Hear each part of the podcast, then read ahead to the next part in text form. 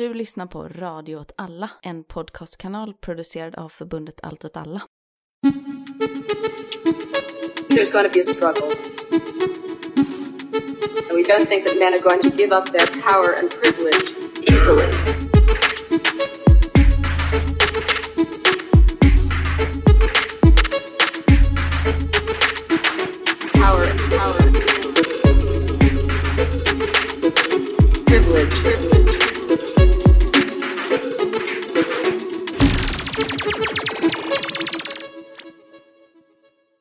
Välkomna till SKF, en podd om samtida feminism av Allt åt alla Göteborg.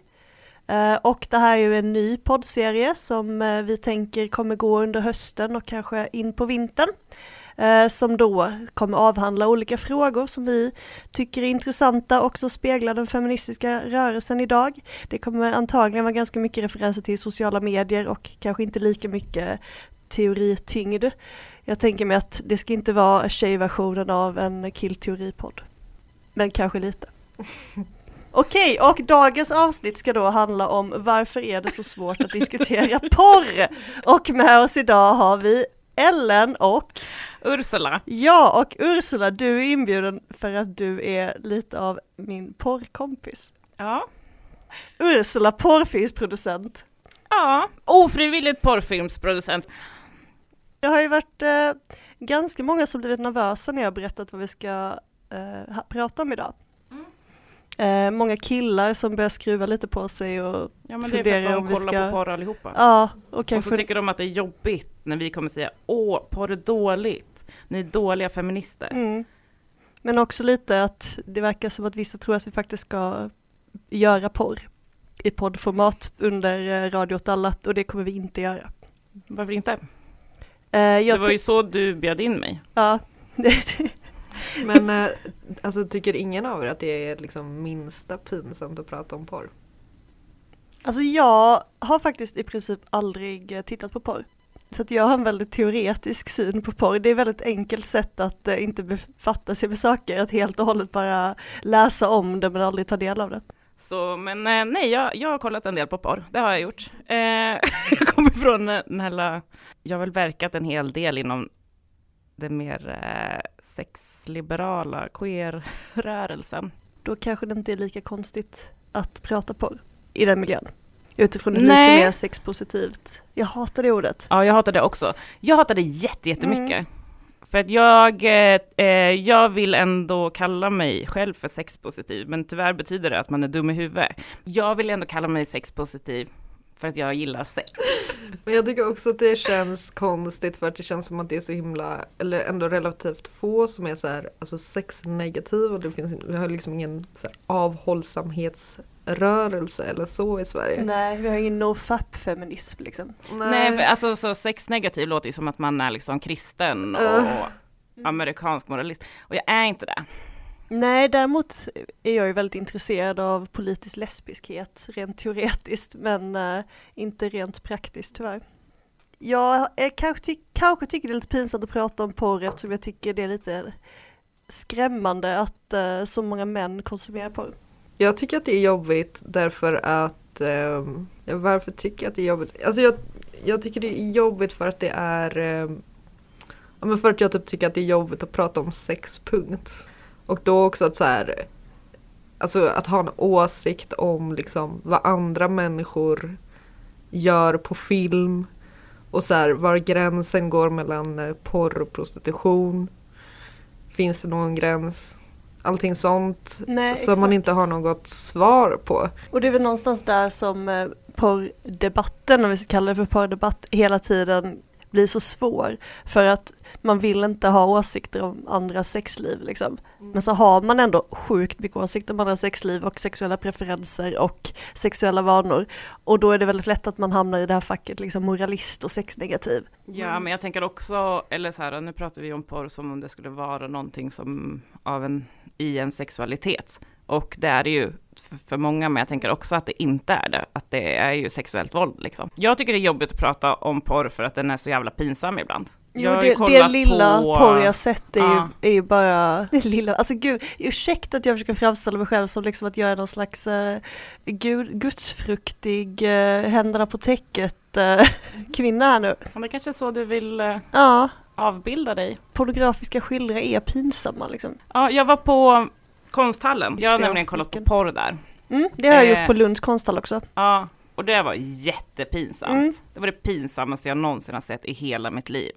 Det var liksom saker som jag inte förstod. Alltså det var frukter, det var liksom att man stoppade upp allt möjligt överallt. Det var personer som tror att de kan utmana den manliga blicken genom att göra bara tvärtom typ.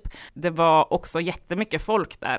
Många akademiker, många så här stela människor som bara åh, konstfacksporr, åh vad härligt. Men var det så att man var tvungen att gå in i ett bås eller stod man liksom i en Nej, man stor stod i den klunga? stora salen i en stor klunga. Ja, för att när jag var liten så visade vi porr på Lunds konsthall och då var det ett bås och då fick inte jag gå in dit för jag var ett barn. Men jag läste ju sen i Sydsvenska vad som hade försiggått där. Men då var det i alla fall en och en i alla fall som hade fått gå in där. Men det är kanske äckligt på ett annat sätt nu när du, nu när du säger det. Ja, men det lät ju mer som att någon gubbe skulle stå i Ja. ett runkbås och runka åt eh, Ja, men samtidigt är det, alltså om man tänker liksom om man skulle säga att porr är en konstform och liksom leka med den tanken så måste det ju ändå vara så här, det ska ju avnjutas på ett speciellt sätt. Eller? Alltså att all, all typ av eh, konst har liksom ett sätt som, alltså man kan lyssna på musik på ett sätt, man kan titta på en tavla på ett sätt. Förstår ni vad jag menar? Att det blir en annan grej att så här, gå på en konsert eller typ lyssna på en låt i sina hörlurar. Och det måste vara samma grej med porr liksom. Det är en annan sak att ha sex och att eh, titta på det. Nej, det är en annan Olika sak att, ställen. att titta Ja. på det själv i sin säng än att gå på en sån utställning. Det kan ju inte vara i närheten av samma upplevelse. Eller det är väl bara liksom en människa med väldigt mycket problem som tillåter sig att typ känna alla de känslorna som man känner när man är själv i sitt sovrum. Jo, så är det ju verkligen. Men jag har ju den här erfarenheten av att jag tittade på porr på universitetet när jag läste genusvetenskap 2009. Så hade vi seminarier på fredagar Eh, och en av de fredagarna så skulle vi titta på den här Dirty Diaries som är då feministisk porr. Eh, och den består av olika kortfilmer. Eh, och det är väl, vissa kortfilmer är väl vanligt pornografiska, andra är någon som typ onanerar i tunnelbanan eller någonting. Eh, men det här kulminerade i alla fall i att eh, en eh, av mina kursare iklädd, i mitt minne så var en sån person som alltid var klädd som en panda, alltså inte poppare panda utan djuret panda. Hon började storgråta. En furry? Ja, en furry började storgråta på seminariet och utropade Det finns två saker jag avskyr. Det är när man är elak mot djur och det är det här. Och sen stormade hon ut. Jag kände ändå lite kärlek. Ja men det var ändå ett starkt ögonblick. Jag skulle också bli så himla arg på min föreläsare om de tvingar mig att kolla på porr. Ja men alltså exakt, nu i efterhand så inser jag ju att jag borde kanske ha sagt ifrån. För nu hade jag inte accepterat det. Alltså tänk om jag hade, när jag läste statsvetenskap, om vi hade tittat på, ja jag vet inte, statsvetenskaplig porr. Alltså det hade inte, det hade inte tolererats. Men vi satt ju alla där och försökte liksom framstå som goda feminister och titta, ta, del, ta del av den här eh, feministiska porren. Ja. Men det är ju inte okej. Och man vet ju faktiskt inte vad människor har för tidigare erfarenheter och Det är helt fruktansvärt, det är ju ett övergrepp liksom. Sen var det väl säkert underförstått att man kanske fick välja själv men det var inte helt Ingen ville väl vara den som var den. Nej, exakt. Och då är det ju inga svar. They oppress us as women. They won't let us be. And Hugh Hefner is my enemy. Alltså, jag tänker att problemet med att försöka liksom göra feministisk porr, det är väl att ofta så vill man liksom, så, så tittar man på någonting som man säger är eh, så här, det här är inte feministiskt, så här ska man inte göra. Och då försöker man göra tvärtom och då försöker man liksom eh, blanda in saker som gör att det man kan bli på ett visst sätt. Så att det inte bara ska vara så att så här, det här är mellan två vuxna som är, båda är med på det och därför är det feministiskt utan det ska vara liksom någon slags feministisk kommentar också. Medan porr är ju också en, en konstform eller vad man ska säga som eh, kommer så himla mycket från en specifik känsla, att man försöker framkalla en specifik känsla som man kanske inte uppnår om du istället försöker få fram ett feministiskt budskap. Nej, exakt. För någonstans så är ju ändå, alltså sexualiteten är ju inte avskild resten av samhället och sexualiteten kommer ju alltid vara präglad av liksom sam samhälleliga föreställningar och liksom syn på män och kvinnor och liksom dominans och eh, våld och alltså det går ju inte att skapa en typ av sexualitet med hjälp av porr utan porren kommer ju alltid vara en spegling av den sexualiteten som existerar i samhället. Ja men också att det går ju inte att göra feministisk porr, alltså det går ju Nej. inte att göra porr eh, och tro att man kan ställa sig utanför kapitalismen. Alltså eh, att göra porr är ju alltid en del av exploateringen liksom. Och eh, att göra feministisk porr, det går ju inte. Nej, och där tänker jag också att det är viktigt Uh, att man särskiljer vad i porren det är man kritiserar. Om det är liksom den stora industrin, om det är de sexuella skildringarna, om det är innehållet. Jag tänker att väldigt lätt så hamnar debatten i någon slags stort förvirring kring vad, det, vad är det egentligen med porr som är det stora problemet. Och den radikalfeministiska kritiken på 70-talet var väl egentligen, in, det var ju inte porren riktigt lika mycket av en industri. Utan då var det mer som samma, alltså en förlängning av kritiken mot prostitution och liksom hur, ja, hur det reproduktiva systemet upprätthåller patriarkatet liksom. Men nu så är ju, alltså porrindustrin är ju, det är en av de mest inkomstbringande industrierna i hela världen. Som helt och hållet, även om kvinnor ofta kanske tjänar mer pengar så upprätthålls den ju helt och hållet av liksom objektifieringen av kvinnan. Och det spelar ingen roll om man eh, förbjuder vissa sexuella praktiker eller om man eh, försöker gå in och styra vilken typ av eh, handlingar som ska ske i en porrfilm för det är ju fortfarande ja men liksom den kommersiella exploateringen som är kärnan. Men ehm, jag tänker på Onlyfans. Alltså där är det ju väldigt mycket så Alltså att det bara är typ en kvinna som onanerar och så filmar hon det och lägger upp det. Skulle det, alltså det, för då, då är det ju inte, då är det ju bara hon som exploaterar sig själv. Ja men varför gör hon det? Alltså så här, till exempel nu under corona så har ju Onlyfans blivit jättestort liksom.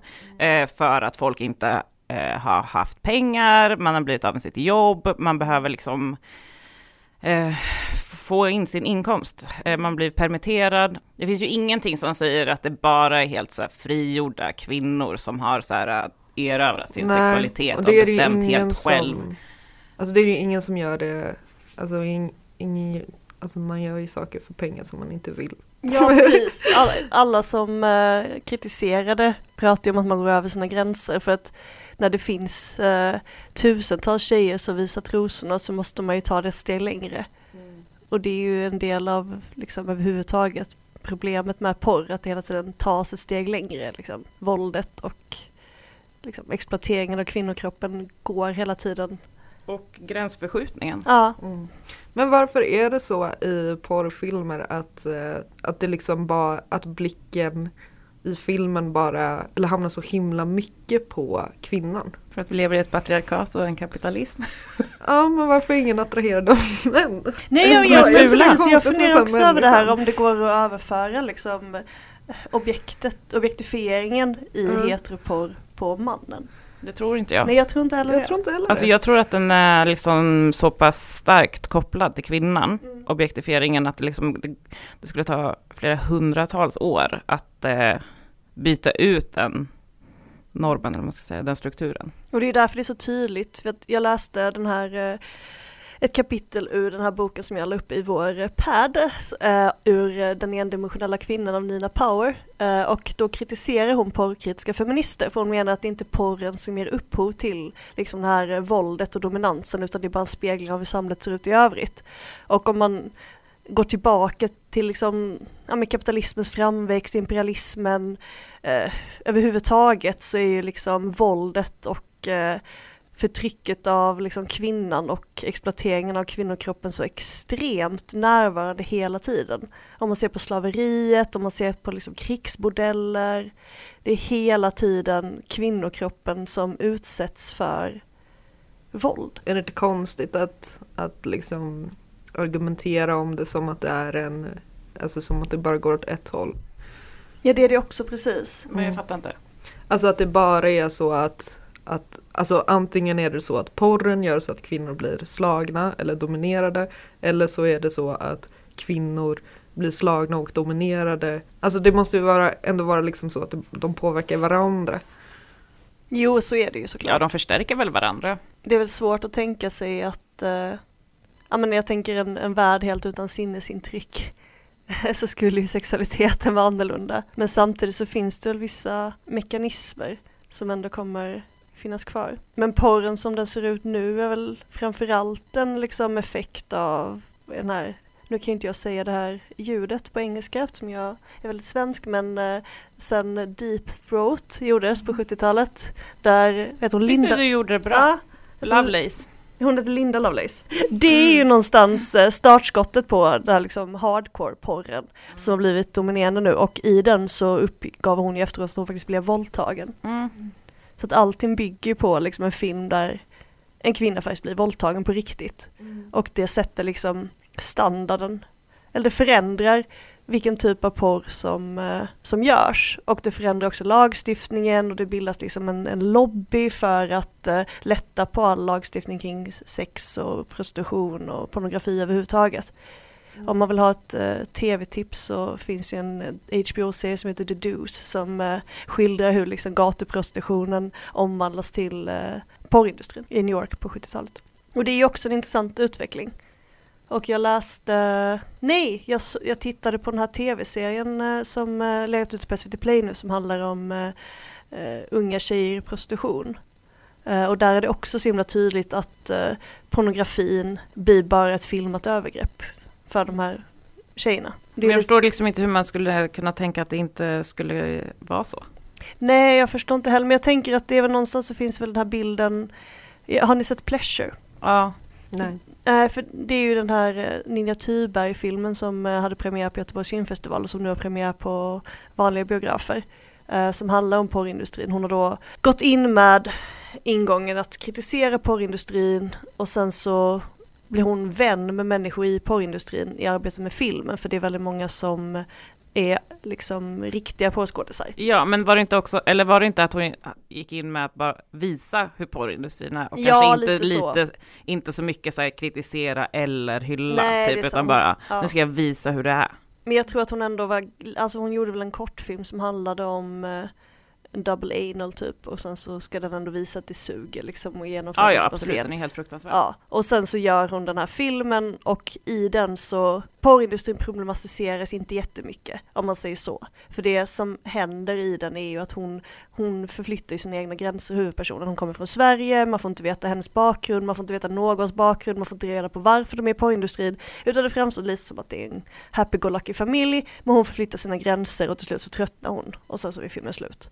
Men då framställs det också som att till exempel BDSM-porren är feministisk och eh, människor i porrindustrin är som vilka som helst och det kanske de är men det är återigen det här varför hamnar de här? Nej men, men jag tyckte ändå så, det kanske bara var jag som var välvilligt inställd när jag kollade på det, men jag tyckte ändå att det så här, vad ska man säga, det fanns lite problematiska, problematiserande läckage i filmen liksom. Ehm, det finns en väldigt grov våldtäktsscen som är skitjobbig att se. Och där var det ju ändå en kommentar på det här med att ju våldsammare porren är, desto mer eh, värdefull blir den liksom. Och där fanns det en jättetydlig, eh, alltså det är en jättetydlig scen där man verkligen kan se gränsförskjutningen och eh, hur hon, hur hon dealar med den liksom i Mm. scenen. Ja precis, för hon, hon, hon åker till en inspelning eh, där det visar sig att, hon, att scenen är väldigt grovt övergrepp. Eh, och sen är hon ju ensam där med regissören och de manliga porrfilmskådisarna. Och när hon gråter så säger de bara men om du, nu har du blivit utsatt för allt det här, eh, om, om du avbryter nu så måste vi slänga det då har du blivit utsatt för det här övergreppet i onödan i princip. Och det är ju en absolut, man blir ju inte positivt inställd till porrindustrin, men problemet tycker jag med den scenen är att det framställs som att det här är något liksom, det här är bara en av alla inspelningar hon är på, det framställs som att den här inspelningen är någonting väldigt lite apart från de andra. Det är ju en sak som de har fått kritik för också, att den skildrar kanske inte hur porren faktiskt ser ut, för att de flesta, väldigt mycket porr är också amatörporr nu, för det, det vet jag när man pratar med män, att det är ett sätt att eh, skjuta bort ansvaret för sin porranvändning, att, att bara konsumera så kallad amatörporr. Och då tänker man sig att det är ett lyckligt par som spelar in porr för att de älskar att visa andra när de har sex. Men det är ju, t- jag tror, jag har fått intrycket av att det finns en syn på att amatör, amatörporr är på något sätt bättre rent etiskt. Ja, det tror jag. Och Ja. jag tror också att det finns en syn på att, så feminist, att det finns feministisk porr och att den är bättre, eller queer-feministisk porr och att den är bättre. Men den är ju inte det. Det är ju liksom ett upprätthållande och en legitimering av, av den stora industrin. Mm, men det är där jag tänker också, om vi ska gå tillbaka till varför det är så svårt att prata om porr. Kommer sexuella skildringar på film alltid dras med den här typen av problem eller handlar det om vilket samhälle vi lever i? För jag tycker till exempel intressant att alltså sexuella skildringar eller liksom avbildningar är någonting som följer mänskligheten genom hela historien. Ja. Och till exempel på, under franska revolutionen så var ju pornografiska vykort en del av liksom, alltså man gjorde pornografiska bilder av så kungen och kyrkan som en del av revolutionen. Eh, och det kommer vi ju inte komma ifrån för vi är ändå liksom, mm, för att mänskligheten ska Den leva pornografiska vidare så kommer, och- så kommer vi alltid ha liksom ett behov av att reproducera oss. Ja, det måste väl också finnas liksom någon slags skillnad mellan mellan en mensling och mellan porr. Alltså, Mm, men vart går gränsen? Exakt. Ja, alltså om man ser en tavla till exempel av någon som kanske onanerar och så här fläker ut sig. Är det samma sak som att eh, kolla på ett Playboy-omslag? Nej, det är det ju inte och det är just det som är lite Nej. kärnfrågan. Jag funderar på var man drar gränsen för det är ju lite, det är den här rädslan för att hamna i moralism som gör att det är svårt att prata om porr. Ja, eller jag tänker på, vad heter hon, Francesca Woodman, hon eh, fotografen. Hon tog bara bilder på, på sig själv naken, typ. eller inte bara kanske, men väldigt mycket så här bilder på sig själv naken. när Hon kanske så här typ, låg i en pöl med mjöl. Eh, och så blev det en skugga eller någonting sånt. Men då är ju det ett nakenfotografi som hon själv har tagit. Är det annorlunda från eh, någon som tar en naken selfie och lägger upp på Instagram? Eller Ja men är inte det här en del av problemet också? Jag tänker på hur liksom män, den manliga blicken hela tiden objektifierar all, all typ av nakenhet och därför blir den pornografisk och därför så blir vi alla en del i liksom pornografin på sätt och vis. Också att den manliga blicken är ju den bekräftande blicken. Ja, exakt. Så jag börjar tänka på det här med kroppspositivitet och alla som ska lägga upp eh, utmanande bilder och vara tjock och i underkläder och sånt. Att det är ju en del av strukturen. För den bekräftelsen man får, som antagligen nästan inte är från män, men det är ju en del av det strukturella problemet. Att eh, objektifieras är och få bekräftelse i det är typ den sanna bekräftelsen som gör att en själv växer. Och det eh, är ju någonting som har förstört eh, bilden av kvinnan och hur vi reproducerar det hela tiden. Och hur vi också, när vi pratar om så här feministisk porr eller queerporr, så har det varit jättemycket så här representation, att man ska kunna se eh, olika kroppar som ser ut på olika sätt i sexuella sammanhang och i sexuella bilder. Och jag förstår inte varför det måste göras på ett sätt som reproducerar en industri som exploaterar kvinnor liksom. Nej, jag tyckte det var lite, eller jag hade lite liknande tankar kring när det var en jättestor så här burleskboom inom vänstern för några år sedan. Att alla skulle... Jag kan faktiskt eh, snurra på tassels Ja. eh, åt olika håll och sen byta håll. det är i och för sig väldigt imponerande. Det är väldigt imponerande. Nej, men min eh, kritik mot burlesk kvarstår, för jag tycker det blir en så här medelklassens glorifierade striptease. Ja, 100 procent, ja. Och då blir det bara, och då är det, handlar det väldigt mycket som du säger bara om att man, det är en annan typ av kroppar och därför så blir det automatiskt okej. Ja, varför ska vi exploatera den kroppen också? Nej, När vi redan har liksom exploaterat sönder en viss typ av kropp också. Exakt. Det är väl samma sak där också att man kan fråga sig varför någon vill ha den typen av eh, bekräftelse. Alltså varför en viss person går in så mycket för att få den typen av bekräftelse. För att det är jättesvårt att, att känna bekräftelse från andra bekräftelser. Alltså det spelar ingen roll om typ alla ens kompisar bara åh du är så snygg. För det, det gör någonting annat när, när man känner någon slags sexuell bekräftelse från till exempel en man. Mm. Men jag tycker också att det är Alltså att det, det är också en sån här eh, gräns som man får trippa lite på tå kring. För att jag kan säga så här men jag vill inte bli sexuellt bekräftad av någon annan än min partner för då tycker jag att det känns obehagligt Mm. och, och konstigt. Ja, jätte. Och jag tycker att det är svinknäppt typ att man bara så här, kan gå på stan och bli då sexuellt bekräftad. Jo, catcalling. Eh, Ja, det var inte den catcallingen som jag tänkte på. Alltså så, bara så att jag vill Nej. men, Så.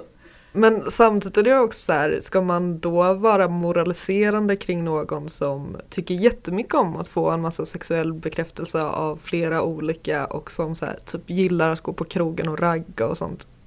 Eller? Förstår ni vad jag menar? Ja, men jag tänker eh, att det är två olika saker, för det är inte en moralisering att eh, kunna prata om de strukturerna som ligger bakom att man gör så. Det är liksom inte moralisering att eh, prata om eh, heterosexualitet och hur den normen är så pass stark så att Alltså att det nästan inte går att problematisera liksom inför sig själv. Men jag tänker att skulle man börja moralisera och säga så här, man får inte göra det, eller börja disciplinera och eh, försöka skapa eh, något annat på ett sätt som är mer åt det disciplinerade hållet och konservativa hållet. Då är det ju något annat liksom, men alltså jag tycker att folk får göra vad fan de vill med sina kroppar, men att man måste kunna prata om strukturen om varför folk gör olika saker. Ja, Jag tycker, jag tycker det stora problemet är när man börjar liksom förfasa sig och uppröra sig på ett sätt som inte är konstruktivt över kanske olika sexuella praktiker eller aktiviteter och framförallt när det kommer till den här rädslan att eh, barn ska bli liksom påverkade eller barn ska bli liksom förtappade eh, och då blir det väldigt lätt för mig moralism. Jag tycker till exempel att porrfilter är en jättedålig idé. jag har inte förstått hur det funkar. Är det bara att man inte ska kunna googla det eller vad? Alltså jag har jobbat på skolor där det funnits något liknande, eh, vilket bland annat leder till att om man eh, kanske är en skatare som gillar klädmärket Dickies kan man inte gå in och kolla på deras kläder på skoltid. Eh, jag har hört också att uh, ungdomsmottagningen kan bli blockerad. Eh, men även om man lyckas liksom, och vi ser att man lyckas skapa det mest perfekta porrfiltret i världen, där eh, bara direkt pornografi och all pornografi blir eh, blockerad. Det går ju inte, men säg att det skulle gå, så är det ju fortfarande inte problemet att barn kommer åt porr. För att om man ser på till exempel tioåringar, alltså barn som har en väldigt tidig liksom porrkonsumtion, då är inte problemet att de lever i en jättetrygg miljö i övrigt, utan då har de ju ofta andra problem. Och det blir en väldigt lätt väg för vuxenvärlden att, att oroa sig, liksom det här tänk på barnen mentaliteten tycker jag överlag är väldigt skadlig eftersom barn ofta är extremt skyddade och de barn som inte är skyddade det är de barn som behöver andra insatser. Men också för att det blir så konstigt eh, det blir en konstig syn på vad som är hönan och vad som är ägget. Det var det vi pratade om i början, det här med skapa porren, problematiska sexuella preferenser eller är det liksom ett samhälle som skapar det? Ja, men också att eh, ganska ofta så är, är ju inte förbud någonting som funkar. Nej, det gör det ju inte heller. För att liksom, alltså man kan väl förbjuda oss, alltså det kommer Jag aldrig. tror in, nej, alltså jag tror, det finns ju inget barn, eller det ska ju inte vara så att ett barn ska känna sig bekvämt med att eh, porrsurfa så att lärare eller föräldrar märker det ändå. Det är ju något förbjudet. Och det kommer ju alltid vara någon jävel som gör någon discord där de hittat porren i så fall och länkar liksom. Alltså som eh, lärare ska jag säga att det hade varit eh, total katastrof om mina elever kunde gå in på porr på lektionen när de kände att de ville jävlas. Så därav så, så är jag ändå för porrfilter Ja, i alltså den skolan. här eh, personen som är jag har ju då fått eh, Lemon Party-länkar i eh, inlämningar. Jag vet inte vad det är. Eh, det är den här filmen på, jag vet inte om det är två eller tre äldre män som då har oralsex. Med varandra. Ja, Var alltså, kommer Lemon ifrån? jag kan inte svara på detta. Du har inte sett det? Du jag har sett det, på jag klickade på länken, det blev ett mail hem. Men det är ju någonstans det maktmedlet man har på skolan, det är ju mail hem. Porrfilter är inte lösningen och jag tycker fokuset på barnen blir jätte, jätte problematiskt, jag gillar inte det ordet. Men det blir att fokuset är inte typ att kvinnor exploateras och utsätts för våld, utan då blir fokuset på att det är skitsamma om eh, kvinnor i USA får liksom bli pressade i en hänsynslös industri så länge lille, jag var barnen nu för tiden heter, lille Alvin, 12 år i Majorna inte behöver ta del av det. Jag tycker det är ett fruktansvärt sätt att se på problemen med porr och det gör mig faktiskt skitsur. Men är det inte någonstans, alltså kan man inte ha båda grejerna i huvudet samtidigt som förälder? Att man tänker så här, men jag vill inte att min 12-åriga sko- son ska titta på det här och tro att det är så här det ser ut och att det är det här som är okej. Och liksom bli Jo men man, har, alltså, man, man ska ju ha någon form av sexualundervisning i sexan, man ska ha någon typ av sexualundervisning i åttan. KP har ju fortfarande kropp och knopp. Som förälder så pratar man väl med sina Ja. barn om kroppar och Exakt. sex och man måste ju ändå prata med sina barn när de är ganska små om övergrepp och sexuella, sexuellt våld och det är inte konstigt när du gör sådär och alltså sånt. Så jag menar, och då behöver man ju också prata om vad porr gör. Ja, och man, man, det är så enkel utväg att bara försöka förhindra, alltså bara ha ett, ett filter som ska försöka stoppa det. För tanken är inte bara att gå på skoldatorer utan tanken är väl att man ska kunna ha det på alla enheter som ens barn använder. Det jag kan hoppas man att man redan kan ha sätta ett jag. filter på mig någon gång. Ja, alltså Det hade varit skönt. det är, väl klart, det är väl klart man ska blockera Pornhub på sin 12-årings mobil liksom. Men man ska ju också, man ska ju också ha någon typ av dialog där man är medveten om vilka sidor ens barn går in på. För jag hade till exempel varit oroligare för att mina barn skulle gå in på typ kamrat.com eller något sånt. Vad är det? Det vet inte om det finns kvar, men det är ju en sån här sida där liksom eh, pedofiler flockas kring barn. Jag hade en bild på när jag var 12 år gammal på kamrat.com och sen loggade jag in några år senare så hade jag liksom hundratals meddelanden från vuxna män. Alltså nu, nu har du ju rätt att man ska kunna hålla två tankar i huvudet samtidigt, men det blir så konstigt att rikta så mycket fokus kring just porr när de största farorna för barn kanske är helt andra. Sen har jag försökt läsa lite studier också kring hur stor påverkan porr egentligen har och det är ju jättesvårt att avgöra vad som kommer först. För det finns ju vissa studier som menar att man blir mer benägen att, eh, det finns en sån här våldtäktsskala eh, som är vilken typ av eh, påståenden man håller med om. Eh, I stil med om en kvinna följer med en man hem vill hon ha sex. Det finns studier som visar att om man konsumerar viss typ av porr eller mycket porr Så så förväntar man sig typ om en tjej följer med en hem Ja, efter man- krogen, precis, då, då betyder det att man ska ha sex. då är man mer i uh, in favor of våldtäktskultur eller vad man ska kalla det. Och det finns studier som men- menar att det påverkar ens kvinnosyn och sånt, men så finns det ju också jättemånga studier som menar att det påverkar inte alls för att det handlar fortfarande om vilken typ av människor som tittar på vilken typ av porr. Och jag tänker att den här diskussionen om till exempel tonåringars sexuella preferenser, det är ju ju en diskussion som har pågått under väldigt lång tid och som är väldigt viktig att man pratar om med tonåringar.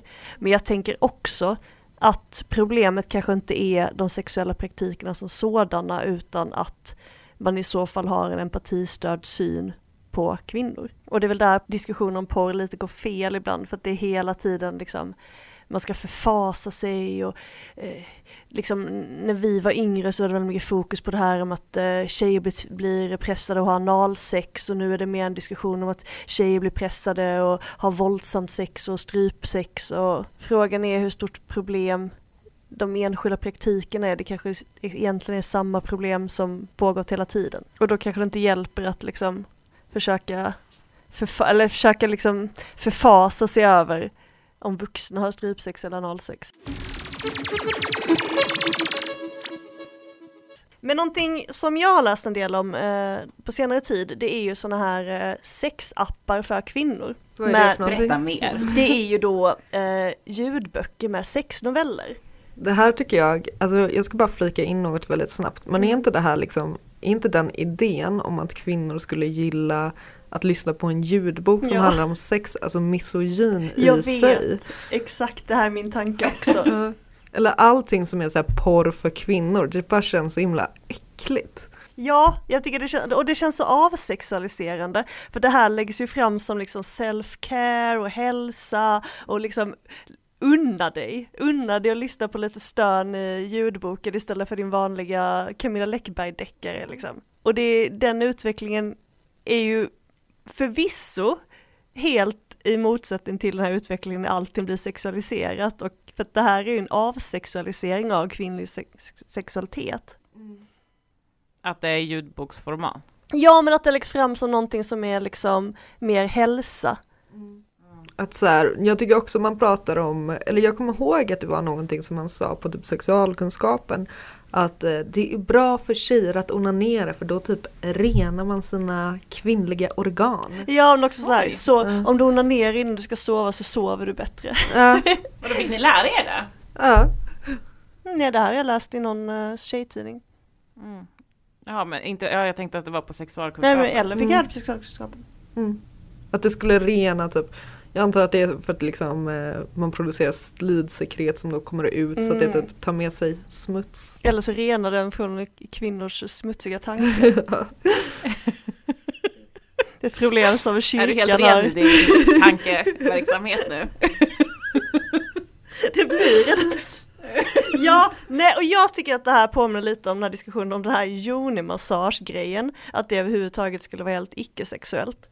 Oh, det tycker jag också är så himla Åh, äckligt. Gud, har ni liksom följt de här olika diskussionerna i olika fittgrupper och sånt på nej, jag är inte Facebook? med i Fittgaris, Nej, men jag, det? nej inte är den heter typ Fitlife Ah, ja, kanske okej. eller något sånt.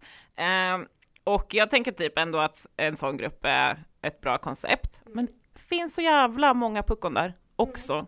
Och att det var, alltså när det varit de här Joni-massage-diskussionerna, så det är liksom gått för allt ifrån, jag skulle kunna ge min mamma en sån Mm, massage Den till skickade typ, du.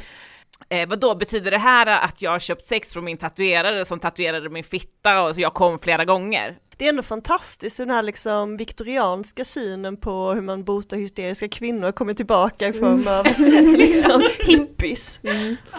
Vi ska ju prata lite längre fram i ett avsnitt om den här nya new age-kulturen inom feminismen. Och det här knyter lite an till det. Men jag tänker lite på det här, Gudinnrörelsen det mer ast astro... både astrologi men också det här alternativmedicin, fokuset och det här Kollodialt silver och så. kollodialt silver, kritiken mot Ja, eh, eh, heter Ja? Vulverin, precis. Och jag tycker det här liksom för att hon Margot Dietz har ju då eh, gett sig in i den här eh, ljudporrbranschen. Och då, det säger ju ändå någonstans, hon är ju väldigt god vän till exempel med Ebba Busch. Det säger någonting om vilken typ av, alltså hur kvinnlig sexualitet förpackas i vissa skikt liksom. Att det helt och hållet bara är liksom self-care, lyxigt, kanske en snygg logotyp liksom. Ja, och också att det är, det kanske är en bild på typ silke. Ja, och det är också en hint av rosa och lila. Vill- Alltså så. Det är ju så väldigt så. skugga över det. det. Det tycker jag också känns eh, provocerande att kvinnlig sexualitet aldrig bara kan få vara sexigt. Nej, exakt. Men jag är också väldigt mycket för alltså sex i, alltså porr eller vad man ska säga i eh, textform. För det var så jag upptäckte min sexualitet. Ja, och det är ju en jätteviktig del av det liksom. Och det är ju ingenting som ska, det är ju ingen pornografisk skildring som man kanske måste liksom stå på barrikaderna mot. Men det är också så konstigt att det är ju så här ljudboksporr. Det är så kvinnor ska få konsumera porr. Mm. Och då ska man lyssna på någon som ska läsa upp det med en sån väsande röst. Det tycker jag också känns fel. Och som ett övergrepp. Ja, jag har lyssnat på det. Jag Alltså det. inte som en, så, i en sexuell stund, utan bara för skojs skull en gång. Det kanske inte var så roligt, men det fanns ju en vanlig ljudboksapp. Typ Någonting jag inte kommer vända mig emot i den här podden är ju så kallad tandsnusk, alltså Harlequin-noveller. Nej, jag kommer inte heller, men jag vet inte. Det tycker jag instinktivt känns som folklig kultur. Jag, jag tycker väldigt mycket Ja. om den idén också. Att det är alltså med typ isbjörn, eller grottbjörnens folk Mm. och sånt. Att det bara är liksom en bok som man kan gilla och så kommer det in lite grann. Alltså då blir det ju väldigt mycket som att se på en sån film där det är typ en bra sexscen. Men eh, har Grottbjörnens folk den manliga blicken? Eller har den den... eh, Den har ju väldigt mycket den kvinnliga blicken. Ja, eller ja, där är det ja. väldigt mycket så att, ja, men, eller kanske, den handlar ju väldigt mycket om att hon har en enorm fitta och kan han, Mhm. han har en enorm penis. Och därför så blir de så himla kära i varandra för att han kan inte ha sex med någon annan. för att han har för, en för stor penis. Och hon kan inte heller det för att hon har typ en för stor fitta. Ja, och jag tänker Det låter som en jättebra bok, jag har Ja. inte läst den. Jag vet bara att min mamma har den. ja, Mm. den är ju en klassiker, tänker jag. Jag har inte heller läst den, men jag tycker ändå, jag tycker ändå att den stora fittan borde hyllas mer Mm. i populärkulturen. Det tycker jag med. Eh, Men jag tänkte på det där när du bara, ja men det har en väldigt kvinnlig blick. Jag tolkar det här feministiska porrgrejen som att så här, man vill bryta mot den manliga blicken, man vill göra någonting annat. Tänker ni att, eh, att, liksom, att bryta från den, blir det en kvinnlig blick då? Eller vad är det andra? Det andra tänker jag, eller så här, det beror väl på om det, när det kommer till heteroporr i alla fall, så är det väl liksom att, eh, alltså kanske att skildra någonting som inte bara är typ ren rå sexualitet så som porr är nu utan också att det finns eh, typ romans i det. Eller förstår du vad jag menar? Eller som när man har, Känslor och... Ja, eller när man, så som man själv sexualiserar sin partner så sexualiserar man ju den på ett, på ett sätt men det är också på ett väldigt, väldigt personligt sätt. Och har man olika partner genom livet så sexualiserar man ju också varje partner på ett specifikt personligt individuellt sätt. Och då skulle man kunna göra det mer så. Förstår du vad jag menar? Ja, och det, det knyter lite an till den här eh, texten av Nina Power också, för den, hon tar upp då exemplet hur porr såg ut på 30, och 40 och 50-talet. Jag vet inte om ni har sett som porr? Nej. Det har faktiskt Jo, jag. lite. Ja, och den är ju lite lite lyteskomik nästan, alltså det är nästan lite, det är liksom lite hastigt och lustigt och dråpligt och skojigt och det är Mm. liksom pittar åt alla håll, kvinnor på höbalar. Men det som skiljer den mest är att folk faktiskt är glada och har roligt och saker går fel ibland och det är som sex är. Till skillnad från liksom samtida mainstream-porr. Och det är ändå en typ av pornografi som kanske inte går att producera nu i liksom ja, mer tilltagande kapitalism och så vidare och med tanke på det vi vet om liksom strukturer inom relationer och så. Men jag tänker att det kanske inte är en kvinnlig blick som man behöver, det är kanske mer en mellanmänsklig blick. Jag och eh, vår eh, ljudtekniker, vi har ju en gång i tiden satt upp en eh, porrfilmsfestival. Det har vi faktiskt. Eh, och jag tror att det var Bikesmatt det hette. Eh, och det var en festival. Det, var en väldigt sjuk upplevelse för att det här är alltså cykelporr. Det finns tydligen en genre Jaha, eh, som är cykelporr. Så det var jätte- jättemånga filmer jag, vet, filmer, jag vet inte om det höll på i längre än en dag eller något sånt, eller om det var en helg. Eh, men då var vi på ett ställe, ett eh, bokcafé som vi hade eh, här i stan tidigare, som inte finns längre. Och eh, så eh, var det på, det var nyktert där, så alla som kom dit, och det var ju också bara mitt på dagen typ, och det var helt random folk som kom. Det var alltså cykelintresserade människor och gubbar, det var liksom lite hipsters, det var lite queers och det var lite allt möjligt. Riktigt obekvämt var det. Och också att, det, att, att porren eller filmerna var jätte, jättekonstiga. Eller ja, det förstår ni ju att de var. Men liksom så här, det kunde vara liksom så här äh, någon som bara smeker en cykel. Mhm. Eller bara någon som faktiskt gör ett hål i sadeln Jaha. och eh, ja. penetrerar cykeln. Ja, med den typen av kinks tänker jag att det är svårt att formulera feministisk kritik mot. Jag tänker att vi bara måste omfamna det. Och det var bara killcyklar. Nej, jag. Ja. Ja, ballongporr är den enda feministiska porren. Men det var lite, den här Dirty Diaries, det var ändå lite sådana saker. Vadå, vad gör man då? Typ att eh, man kanske har jättemånga ballonger i ett rum och så typ klämmer man sönder dem och sånt. Mm. Eller kanske sitter på dem tills de är Ja. sönder. Men det tänker jag är vanligt på Onlyfans, att kvinnor sitter på saker och sen Mm. går de sönder och så får man pengar. På tårtor och så. Jag tänker, alltså jag vill bara, jag vill bara ta ställningen, all porr är dåligt. det, alltså jag tror liksom inte, eller så här, jag vet inte vad, jag tror liksom att det är ett dött case, alltså det går liksom inte att göra någonting annat än än den porren som finns, även om man, hur mycket man än försöker, hur independent man än är, eller typ hur, all, hur mycket alla är med på att göra det, eller hur amatörigt det är, eller om man är helt själv. Alltså jag tror inte det. Alltså, man reproducerar, man legitimerar allt det sugiga.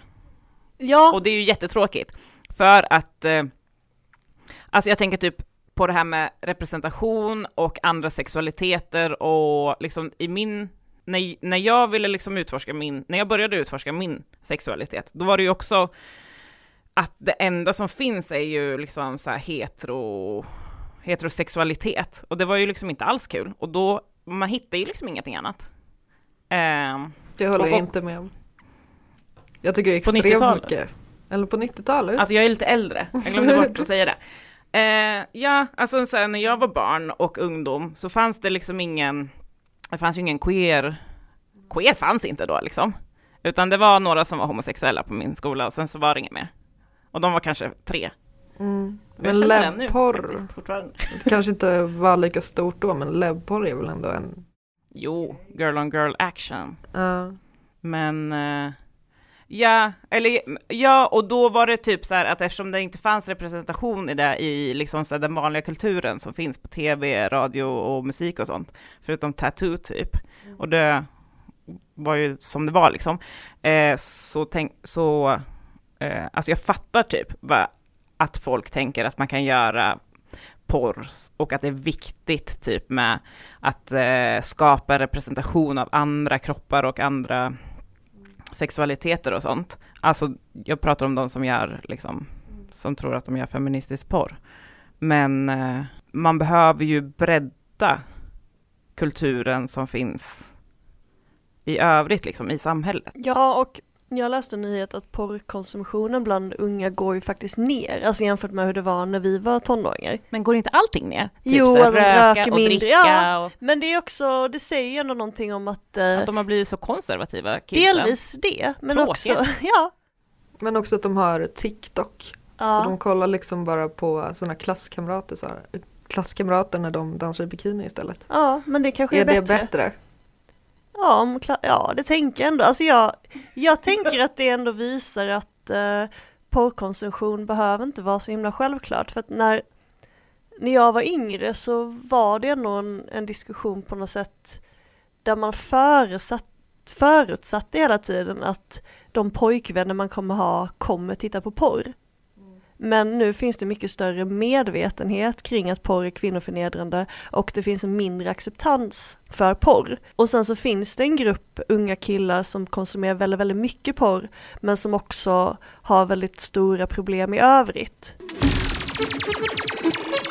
Eh, nej men alltså jag tyck- tycker typ att det är svårt att, eh, att vi sitter och pratar om porr och sexualitet i liksom samma, i, i samma kontext, för jag tycker att det för det mesta är två helt olika saker och att liksom så här, porr är ju sexuellt våld och sexualitet är någonting som jag vill ska, alltså så här, kunna ha ett samtal om eh, som är så här bortanför exploatering. Jag vill liksom ha en kvinnlig sexualitet som är en kvinnlig sexualitet utan att hela tiden vara i motpol till sexuellt våld, liksom. Eh, som att vara kvinna är väldigt mycket. Och det, ja, jag skulle vilja ha mer samtal kring sexualitet utan att det är liksom så mycket porr och sånt inblandat och exploatering och sånt. Mm, ja. Ja, nej det tycker jag är en jättebra ingång faktiskt. Jag tänker att eh, det är en väldigt eh, rimlig feministisk hållning också i frågan. Att man behöver inte förhålla sig kring porren som sådan men man kan markera att porr och sex är inte samma sak. Ja, och det är därför jag tycker det är så jävla tråkigt det här begreppet sexnegativ. Jag måste vara sexnegativ för det är liksom, eh, sexnegativ tror jag betyder mest att man inte är sexliberal liksom och sexpositiv och att man vill göra sexualitet av precis allting och att man hela tiden ska gå runt och visa pattarna i tid och otid och typ eh, göra lite sex överallt eller ha ett darkroom på en helt random fest liksom. Eh, men men jag, jag vill ju att sexpositiv ska liksom betyda att man eh, tycker om att prata om sexualitet och att försöka skapa en sexualitet som är liksom så här eh, inte eh, tvärtom exploatering, liksom. eller så här, eller Att det inte ska vara kopplat till exploatering liksom. Nej, jag tänker att ett av de yttersta målen för den feministiska kampen är att skapa en sexualitet som utgår från oss själva. Men jag tycker att vi också måste vara medvetna om att det inte går just nu.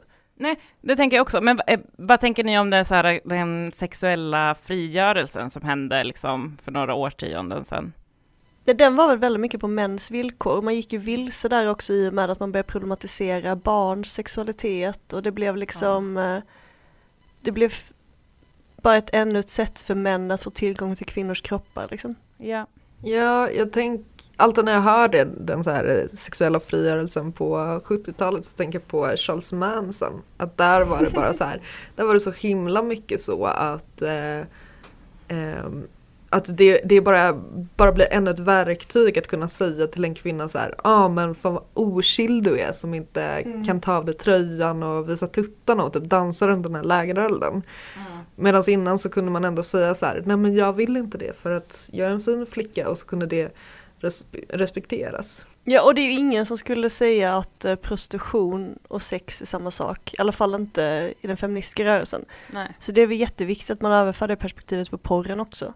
Mm. Och att man inte, precis som du säger, man, det är inte en diskussion om sexualitet och det är inte en diskussion om enskilda personers sexualitet utan det är en diskussion om porr som är något väldigt specifikt. Ja, och det som liksom den här feministiska porrrörelsen, eller vad man nu ska kalla dem för, gör, det är ju liksom att de normaliserar porren. Att det blir liksom som en del av eh, den sexualiteten. Porr kan ju vara en del av en sexualitet, men det kan ju också cyklar vara. Och porr är inte all sexualitet, utan porr är något specifikt som du sa i början Ursula. Och jag tänker på det då som Ursula sa, att om vi bestämmer oss för att all porr är dålig och att under nuvarande samhälle så kommer vi inte kunna producera feministisk porr eller porr som, som liksom särskiljer sig från den manliga blicken. Då kanske vägen framåt är helt enkelt att vi fortsätter utmåla porr som eh, som någonting dåligt och vi fortsätter lära flickor och unga män att man behöver inte titta på porr, man behöver framförallt inte acceptera att någon annan gör det. Säg nej till porr. Ja, nu landade vi ändå i det. Ja, min ingång var ju att jag skulle ha ett öppet sinne för att jag inte vill vara moralist, men jag tror ändå vi kan landa i att säga nej till porr. Men det här var första avsnittet av SKF. Eh, vi har valt att förkorta den här till samtal om könsorgan och frihet, SKF. eh, kommande avsnitt kommer bland annat handla om uh, risksamhället, om internationella rörelser mot mäns våld mot kvinnor, om alternativ medicin och så vidare. Och nu sätter vi någon cool jingel. Tack för att ni lyssnade. Det var alltid och samma tack avsnitt. ni som kom idag och snackade och höll det här goda samtalet. Varsågod. There's to be a struggle. And we don't think that men are going to give up their power and privilege easily.